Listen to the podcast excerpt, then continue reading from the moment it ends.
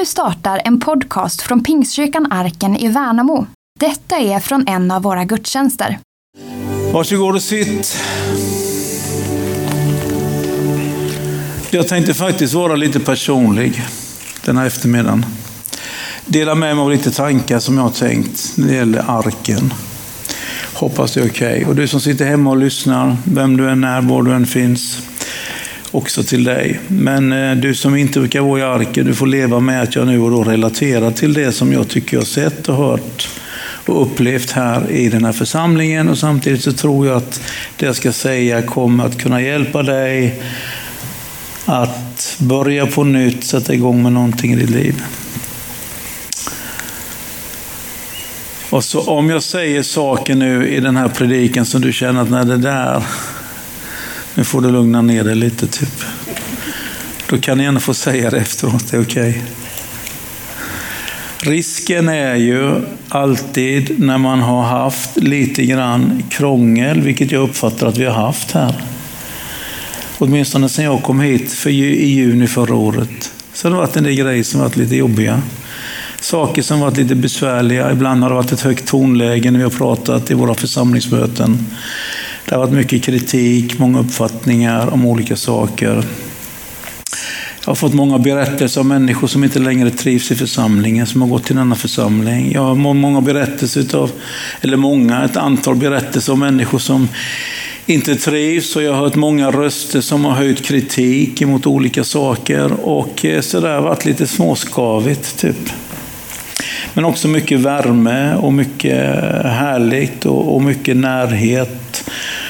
Och jag tänkte jag skulle dela med mig av en del tankar som jag har fått i mitt hjärta.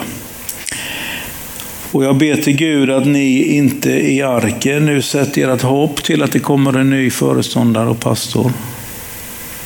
Utan att ni sätter ert hopp till Gud.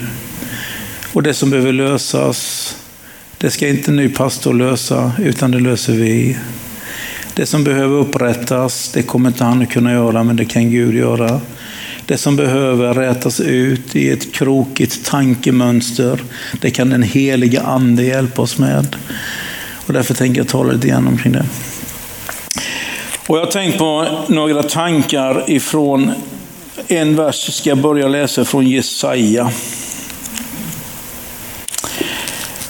När Jesaja kallas så, så hör han ju en röst. Det är ju en dramatisk tid. Det står att i det år som kung Ussia dog, det vill säga att kung Ussia, när man läser om honom, så var det en, eh, en dramatisk berättelse om en kung som när han var 16 år så blev han kung och han lyckades nästan med allting han gjorde. Han gjorde en massa fantastiska grejer. Bland annat så tror man att han uppfann den här katapulten som kastade stora stenar mot fienden och så vidare. Han byggde befästa städer och han lyckas med det mesta. Så säger Bibeln att så hände det någonting, att, att, att det kom någon stolthet in i hans hjärta, där han inte längre behövde Gud.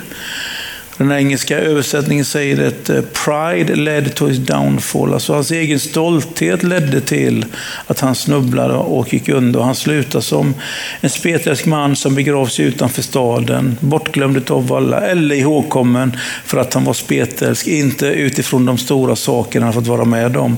Och när han dör så är det en dramatisk tid i landet och i det läget så får Jesaja en kallelse. Han kommer inför tronen och du som har läst Jesaja, du vet vet att det är inte första gången Jesaja profeterar, så att det är inte så att det är hans första kallelse, utan det är kanske den tredje eller den fjärde som han får uppleva den här situationen där han uppfattar att han är inför Guds tron och får se Guds härlighet och får höra änglarna säga att Herren är helig, Herren Sebot är helig och han hör det gång på gång. Han faller på knä och känner sig som oren i sitt hjärta och så ropar han om, om förlåtelse och så kommer det en, en ängel och ta ett glödande kol ifrån ett altare, rör vid hans läppar och så får han uppleva den här friheten. Och då hör han en röst och den som kan hebreiskan och kan liksom läsa grundtexten Eh, säger att det är en grammatisk form som gör att han typ överhör detta ordet. Det vill säga att det är som att det är ett pågående ljud ifrån himmelen där Gud säger vem ska jag sända, vem ska jag gå, vem ska gå. Det är inte bara så att Jesaja får det själv, utan det är inför tronen, när han är den han känner sig som mest syndig i sitt liv, när han känner att han bor bland ett folk som har orena läppar, när han känner att jag själv har orena läppar. I det ögonblicket av nåd så hör han den här rösten, vem ska jag sända, vem ska gå? Det är väldigt hoppfullt. Och så skickas han iväg med ett budskap till folket. Och då är han ju med och varnar dem för fångenskap under det som kommer att hända. Det är både Assyrier, det är Babylonien och så vidare. Det står så här i vers 12 när han ska profetera över folken. Då står det så här att Herren ska föra människorna långt bort och landet det ska lämnas öde. När en tiondel ännu är kvar skall också den till intet göras, så som man bryter upp stubben efter en terebint eller en ek. Och ett heligt släkte är den stubben. Jag tänker det ibland i en församling och i ett eget liv så kan det kännas ibland som det är många saker som kläs av en. Man kan bli av med människor, man kan bli av med gåvor, man kan förlora självförtroendet, man kan bli av med många saker och så vidare. Det kan hända i en församling. Min uppfattning är att även om det är många saker som tas bort, så kommer det ändå vara så att det som kommer att finnas kvar till slut kommer att vara någonting som är heligt, som Gud vill använda. Min upplevelse är också att det är så i våra liv, där vi kan komma in i lägen, i situationer i livet, där vi känner att vi blir av med så många saker. Vi blir av kanske ibland med vårt självförtroende. Vi blir av med vår självkänsla. Vi kan bli av med vänner. Vi kan bli av med liksom människors respekt. Vi kan bli av med en mängd saker som på något vis kläs av oss i våra liv. Men att då få veta att när vi är med Gud så kommer det inte att vara over and out. Då kommer det inte att vara borta, utan även när en tionde tiondel är kvar, till och med när den tiondelen är väldigt liten, när det bara är en stubbe kvar, så är också den stubben en helig säd, ett heligt släkte som Bibeln säger. Därför ska du som människa inte misströsta när du tycker att det är så många saker som har gått sönder. Det är som att nästan allt du har tagit, det är som sand som rinner mellan fingrarna och du känner att vad du än har försökt med, vad du än har prövat, så har det bara gått sönder och gått sönder och gått sönder. Så ska du ändå veta att det du bär kvar i ditt liv, det är någonting heligt som Gud vill använda. Det vill säga att detta hoppfulla, att alltid få leva med detta och kunna få se på andra människor med de ögonen. Och det gäller också en församling. Det gäller alla församlingar och det gäller också pingstförsamlingen i Värnamo. Det vill säga att vi kan tycka att det är många saker som gick stolpe ut, med, både med pastorer och visioner och idéer och med församlingsgårdar och det kan vara ekonomi och konferens. Det kan vara en mängd saker som man känner liksom att detta är inte riktigt exakt så som vi skulle vilja att det är. Men till och med när allting, saker, vad det än är som händer runt omkring oss, när vi på något vis ibland blir av med det, så är ändå det som är kvar, det är någonting heligt som Gud kan använda och Gud vill använda. Så därför tror jag att du och jag, vi behöver komma till honom med det som är våra brister och det som är liksom det som har gått sönder och aldrig ge upp om våra egna liv. För att Gud ger inte upp om våra liv. Utan det som är kvar, det är en helig säd. Och därför är det fantastiskt att få möta en människa där kanske allting har gått sönder. När man möter en människa som kämpa kanske med alkohol, kämpa med droger, kämpa med att man har varit ett svin hemma, kämpa med en massa saker. Och känna liksom att det ena efter det andra har gått sönder. Jag har blivit av med det, jag har blivit av med det, jag har blivit av med det. Jag har blivit av med min värdighet och jag kan knappt ens titta på mig själv i spegeln med respekt längre. Så är det ändå så befriande med detta evangeliet. När man är med Gud, då kommer ändå den lilla spillra som är kvar i en människas liv, kommer att vara en helig säd, kommer vara någonting som Gud vill använda och som Gud kan upprätta och som Gud kan göra någonting med. Och detta är det stora, tycker jag, med evangeliet, att det är en sån kraft till upprättelse, till helande, vad som än har gått sönder, vad vi än har blivit av med i vårt liv. Ibland har vi haft en kallelse i vårt liv som har burit på, men vi har inte tagit den på allvar och vi känner att det blev aldrig så som jag tänkte. Men att då inte ge upp och tänka att nu är allting kört, utan veta att det som är kvar där, det är någonting heligt, det är någonting Gud har lagt där, det är någonting som finns där planterat av Gud själv i mitt liv.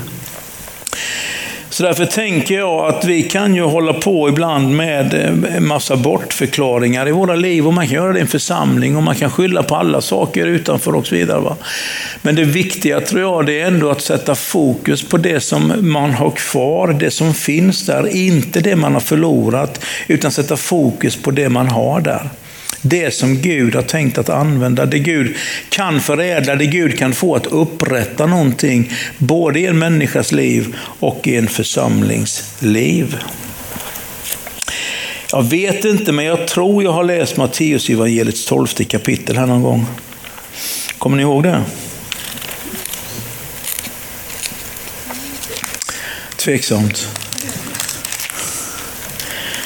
Men du vet, jag har ju hört till dem som eh, har svårt att hålla samma predikan två gånger. Nu säger min fru att det är många grejer som är ungefär likadana. Så att, eh, nej, men det är väl så man eh, ändrar på det lite grann. Men man kommer inte på så många nya saker. Men så var det en predikant som sa till mig, du sa han att den predikan som man inte kan hålla två gånger, den behöver man inte hålla den första gången heller, tyckte han. Det står om Jesus så här i Matteus evangeliets 12 kapitel. Otroligt hoppfulla verser.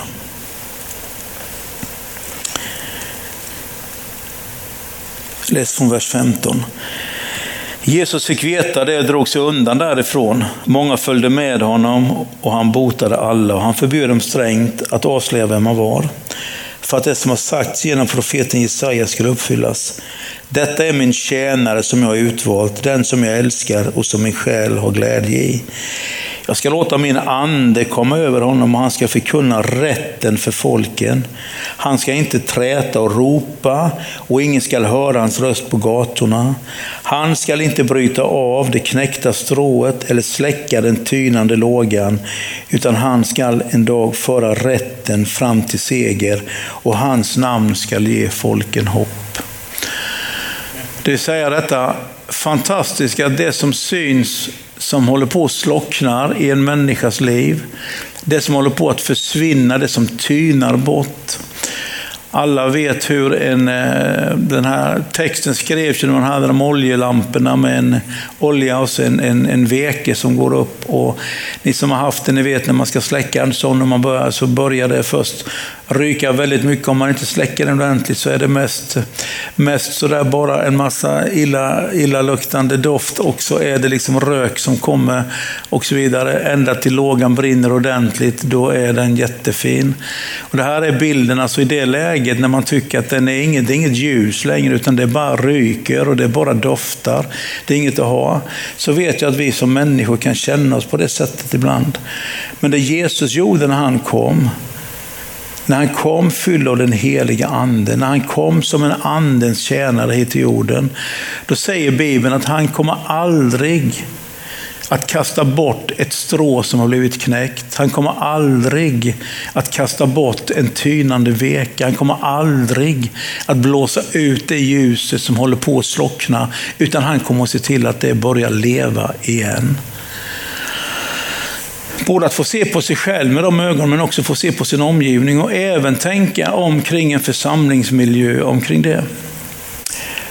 Jag ber till Gud att den här församlingen skulle få uppleva en, eh, en, eh, en stark eh, upprättelse. Och då säger inte jag att detta i Pinkyrkan i Värnamo är sämre än någon annanstans. Men jag vet att det har sagts många saker, det har hänt många grejer och det har skett saker. Men jag ber till Gud att inte de grejerna är det som definierar oss, utan det som definierar oss, det är tron på detta levande evangelium. Det vill säga att du vet, vi som är här, det som finns kvar här, det som vi ibland kämpar med och, och så vidare, det är en helig säd. Det har med Gud att göra. Och Gud kommer inte att släcka ut det som håller på och falna, utan Gud, han vill låta det flamma och i hans namn ska folken ha hopp. Att få leva i det, sätta tron till det, sätta blicken på det. Nu lever ni väl just nu i någon slags segerrus efter en fantastisk ungdomskonferens förmodar jag. Det brukar ju vara som man kommer till Värnamo i november, då är alla glada typ. Många ungdomar har varit här och varit fantastiskt och fint och sådär. Men sen vet ni, kommer det andra dagar man sitter och funderar och man tänker hur ska det bli och hur ska det vara? Och en massa sådana här grejer. Så älskade bröder och systrar, vi sätter vårt hopp till Gud, inte till någon predikant som ska komma hit. Vi sätter vårt hopp till Gud, inte framförallt till några människor som gör det ena eller andra, utan vi tror på detta evangelium att Gud, han kommer att använda det vi har, han kommer att använda det Gud har gett oss. Och även om vi tycker ibland att vi vacklar så kommer han ändå betrakta det som någonting heligt som han vill använda till människors hjälp, till människors frälsning och till människors förvandling någonting. Och det som syns som att det håller på att slockna, det kommer han att göra någonting med. Det strå som är brutet, det kommer han att göra någonting med. Och det gäller för en församling, men det gäller också för dig och mig i vårt liv. Där du tycker att du har gått vilse, där du har syndat, där du vet att du har gjort saker som inte är Gud välbehållet, så ska du ändå komma ihåg att Gud inte skickar iväg dig. Utan han ser på dig med hopp. Så gör upp din sak med honom. Det kommer finnas tillfälle till förbön här idag. Det är ett bra ställe att komma ibland och säga bara be för mig. Och så i sitt hjärta kan man känna att du vet Jesus, när jag går dit och jag ber dem lägga händerna på mig, då vet du vad det gäller. Jag kanske inte vill berätta det just nu, men Gud, du känner allt. Så man kan få komma till förbönen och när förebedjaren frågar dig vad ska jag be om och du känner att jag vill inte berätta något, vet du, då är det så fint med våra förebedjare att då, då fattar de det när du säger det. Nej, men be för mig bara, typ. Man behöver inte säga någonting. Man kan till och med säga pass, eller man kan skaka på huvudet, eller man kan göra någonting annat så att de fattar. Men det är skönt att få komma till det och bestämma sig för Gud.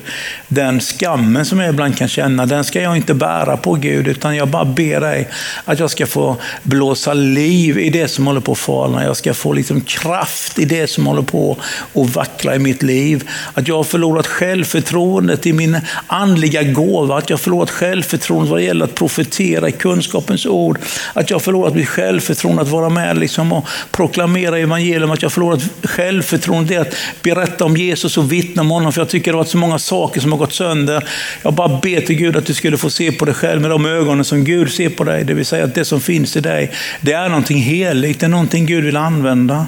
Och det som du själv tycker håller på att slockna, det är, han ser på dig med andra ögon, med en annan blick. Och han, han konstaterar att även till och med det som går sönder och är trasigt i ditt liv kommer han att använda lite senare i tolfte kapitlet, och det här som jag tror jag har predikat om här innan, det är Jona.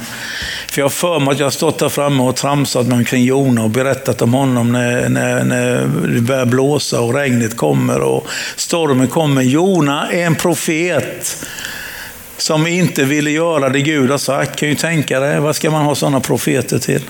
Vad ska man med en profet till som inte gör det Gud säger? Nej, det är inget bra. Men han gör det i alla fall. Han drar iväg åt helt andra hållet. Gud säger gå dit, så går han dit. Sätter sig på en båt, ska fly. Ända väg bort igenom. Inte göra det Gud hade tänkt att han skulle göra i Nina, utan han drar iväg åt andra hållet. Och så kommer då denna fantastiska berättelse när han blir eh, kastad över bord och det är en stor fisk som tar hand om honom. Och sen då i detta mörker så kommer han till insikt om vart han är på väg. Han säger Gud, vad tog du vägen i mitt liv? Du vet, så är det ofta när vi känner att Gud, vad tog du vägen i mitt liv? Då är det inte bara ofta, utan det är alltid så att det är inte Gud som har flyttat på sig, utan det är vi som har flyttat på oss. Och det händer Jonas, Gud, vad tog du vägen? När han själv håller på och flyr och flyr och flyr ber han en bön om omvändelse och så drar den här stora fina fisken iväg till land, spottar upp honom och så står han där och så säger Gud med ett stort leende i himmelen, ska vi pröva en gång till Jona? Och så går han och gör det bättre andra gången. Det är inte bara det som är det stora, utan det som händer i Matteus 12 kapitel, det är att de skriftlärda fariseerna undrar, de säger att vi vill ge dig några tecken. Och han säger det här onda och trolösa släktet, det ska få ett tecken, men det ska inte få någonting annat än Jona-tecknet. Till exempel profeten Jona var i den stora fiskens buk i tre dagar och tre nätter, så ska människosonen vara i jordens inre i tre dagar och tre nätter. Du vet, det är bara Jesus som är så fantastisk att han använder ett misslyckande av en profet för att göra en, en, en profetia om sitt frälsningsunder, att han skulle övervinna djävulen. Där han säger att på samma sätt som Jona var i fiskens bygd tre dagar och tre nätter så ska människosonen vara liksom i jordens inre. Så han talar om sin egen död och han talar om sin egen uppståndelse. Och det som får vara backdropen för det, det som får vara liksom själva, själva kulisserna omkring det, det är en misslyckad profets liv. Vad betyder det? Jo, det betyder ju till och med att det som du och jag har sabbat i vårt liv när vi har gått vilse, till och med det kommer Gud att göra någonting med och kommer använda det eländet för att bli till välsignelse i hans rike. Det som säga som går sönder hos oss kan bli någonting i hans hand. Han kommer inte släcka ut det. Så även när saker och ting går sönder och allting försvinner. Jag tror till och med ibland att Gud låter det hända i våra liv. Andra Korintierbrevets sjunde kapitel talar om att det finns något som kallas för en sorg efter Guds vilja. Det vill säga att jag tror till och med att Gud låter oss hamna i bekymmer ibland för att vi behöver förstå någonting och lära oss någonting av oss själva. Jag tänker att Petrus, det är inte säkert att han hade kommit till rätta med högmodet i sitt liv om inte Gud hade låtit honom förneka Jesus. Jag säger inte att Gud bestämde det, men Gud lät ändå det hända. Lät Petrus förneka Jesus den natten när Jesus dog och hela hans liv gick sönder. Det blev bara trasigt. Men jag tänker, när jag sen läser, för jag stod när Jesus försöker tvätta lärjungarna fötter, och ville Petrus inte vara med om det. Han tyckte det, han fattade inte den grejen. Men det är som att när han skriver sin första Petrusbrev och andra Petrusbrev, då börjar han alltid introducera sig som en tjänare. Det är som att han så småningom fattade någonting och det är, som att, det är nästan som att han behövde snubbla i sitt liv för att förstå liksom vem som var stor och vem som var liten, var nåden finns. Så att Bibeln säger att en sorg efter Guds vilja, den kan leda till omvändelse, till upprättelse i ditt och mitt liv. Så jag tror ibland att en del saker vi springer på i livet, det är inte bara dåligt, utan det är någonting som faktiskt förädlar någonting i ditt och mitt liv. Så tänk inte bara att det som inte har blivit bra i ditt liv, att det bara är till förbannelse. Utan tänk också att Gud i sin stora nåd, när jag rätar, rätar ut det i mitt liv så kommer Gud att kunna använda det. Och jag menar också att det är så också i en församling. Men de grejerna som man vet, nej men sådär kanske vi inte skulle ha gjort det, eller varför blev det så, eller varför betedde vi oss på det sättet och så vidare. Om vi är ödmjuka i vårt liv och kommer till Gud med det så kommer också det kunna vara någonting som blir till välsignelse i hans liv. Någonting som vi kan bli till välsignelse för andra människor, någonting som vi kan lära om oss själva, kan liksom skapa ibland större ödmjukhet också. Du vet, ibland vi som församlingar, vi blir lite inte skrytsamma, men vi... Jo, lite skrytsamma också. Vi tycker vi gör det så bra, det går så fint och så vidare. Du vet, jag tror Gud låter snubbla ibland för att vi ska veta det vem som är stor och vem som är liten i hans rike. Att vi är helt beroende på hans stora nåd. Vi är helt beroende. Det handlar om, inte om att vi vet och kan så mycket. Det handlar inte om vår smartness, att vi lyckas producera, skapa vad det än är för någonting. Första Petrus femte kapitel säger att Gud, han står emot de högmodiga, men de ödmjuka ger han nåd. Det vill säga att ibland finns det någonting av högmod som kan drabba oss där vi tycker att vi är så duktiga, både i oss själva och ibland kan vi tycka det som en församling. Men ibland så kommer Gud liksom och gör någonting så att vi liksom vacklar till lite grann, men det betyder inte att han har kastat bort det, utan det handlar kanske om att han förädlar någonting och det som är kvar, det är någonting heligt som Gud vill använda. Gud vill upprätta och Gud vill låta det växa i en församlingsliv, i våra enskilda människors liv. Psalm 30.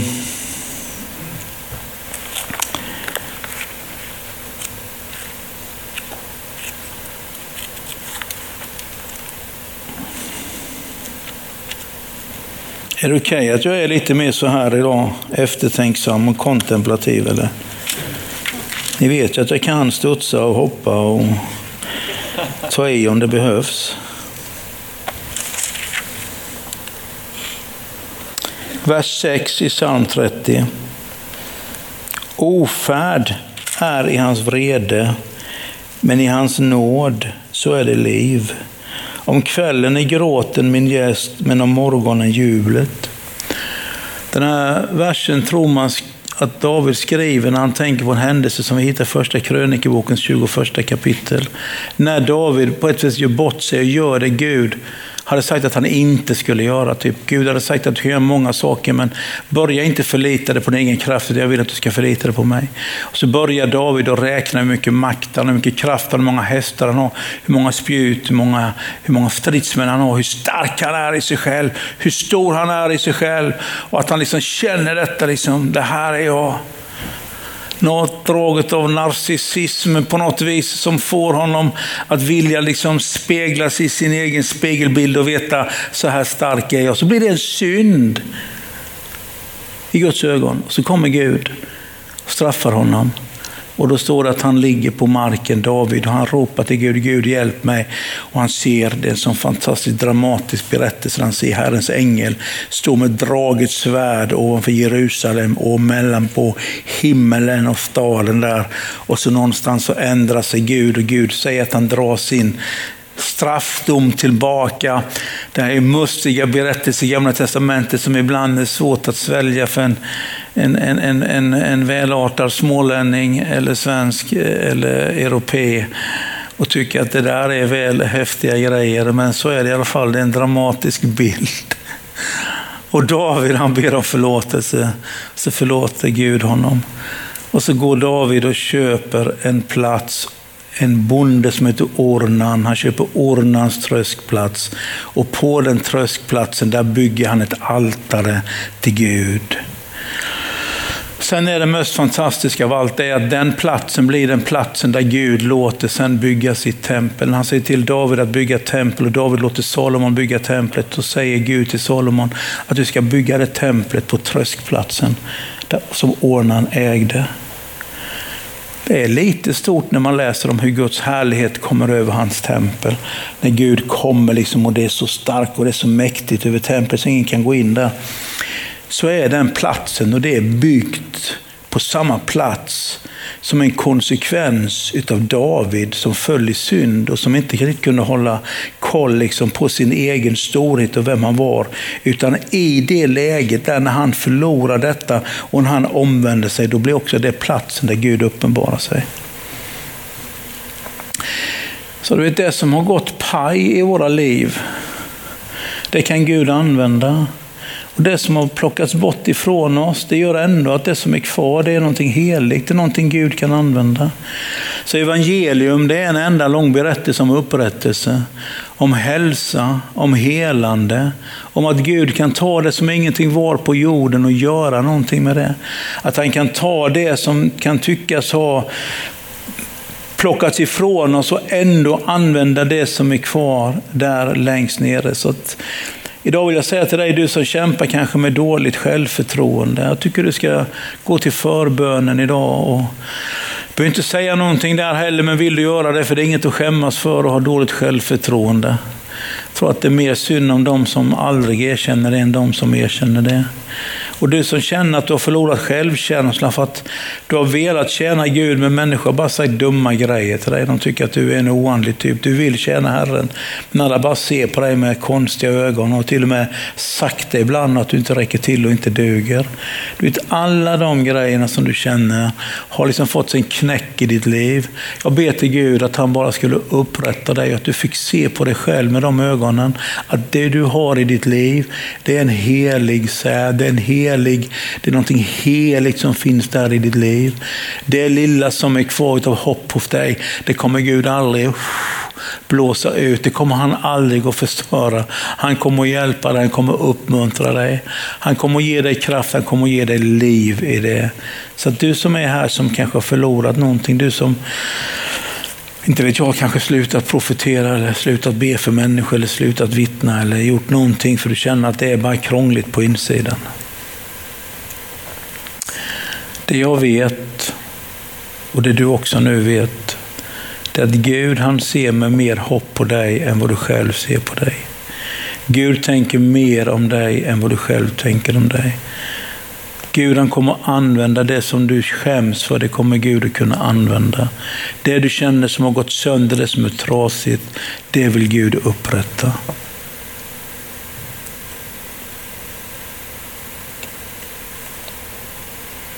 Därför är det hoppfullt.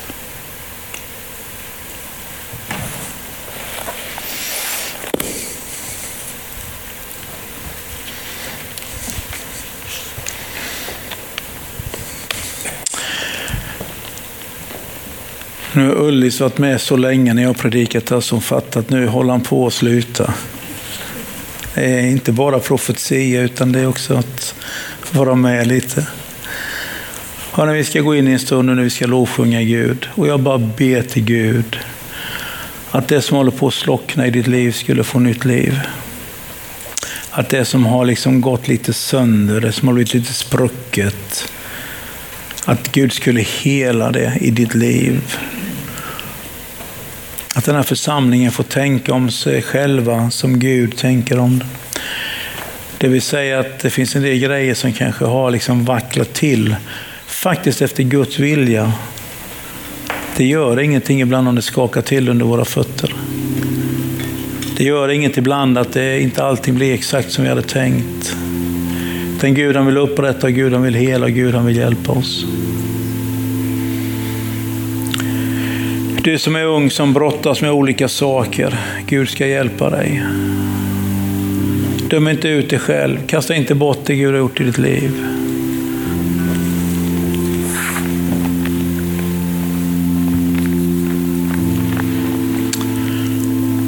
Jesus.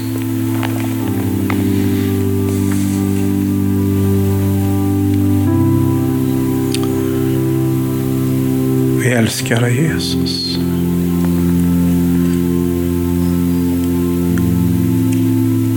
Vi älskar dig Jesus.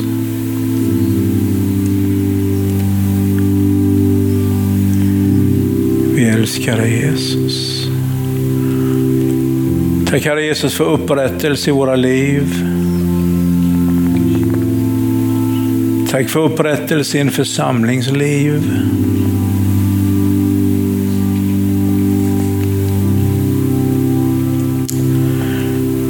Tack att du inte kastar bort det som är skadat eller, skadat eller brustet. Jesus. Tack att det lilla som är kvar ibland i våra liv. Tack att det är heligt för dig. Tack att du vill använda dig Jesus.